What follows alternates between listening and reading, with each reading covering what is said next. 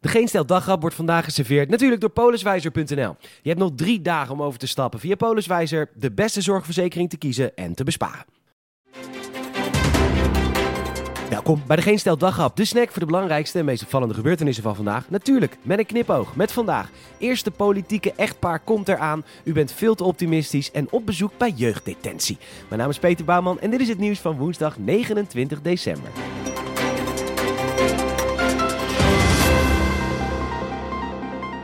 Nu wil de vrouw van Pieter Omtzigt, Ivor Koch, ook de landelijke politiek in. Best wel tof. Een echtpaar die zich verkiesbaar stelt in één partij. Dat gaat volgens mij heel veel stemmen opleveren. Alleen gaat kerst volgend jaar nog saaier worden voor de kinderen.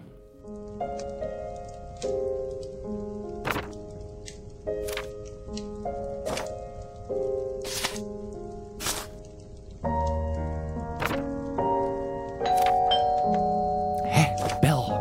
Wie kan dat nou zijn? Oh ja, shit, het is kerst. Verdorie, de kinderen. Nou ja, negeren maar. Misschien gaan ze vanzelf weg.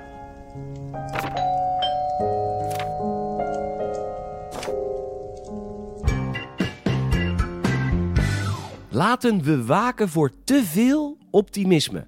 Dat zei Hugo de Jonge vandaag voor de microfoon van het AD. Dat Omicron minder ziekmakend zou zijn, is natuurlijk heel positief. Maar laten we vooral waken voor te veel optimisme. Uw horecazaak is dicht. Kerst was een vreselijke, eenzame bedoeling. Het is koud en nat en guur. U bent nergens welkom. De muren komen al maanden op u af. Wilt u alstublieft uw best doen en toch waken voor te veel optimisme?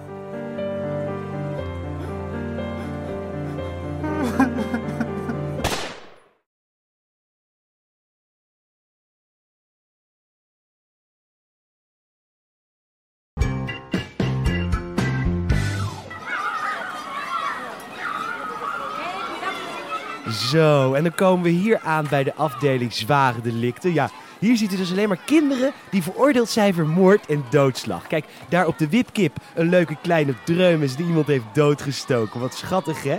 En die doerak daar in de zandbak, die heeft het wel heel bond gemaakt. Want eh, die gebruikte een pistool om zijn leeftijdsgenootje van het leven te beroven. Wat een pijlhamel, hè? Maar goed, we zijn natuurlijk allemaal jong geweest.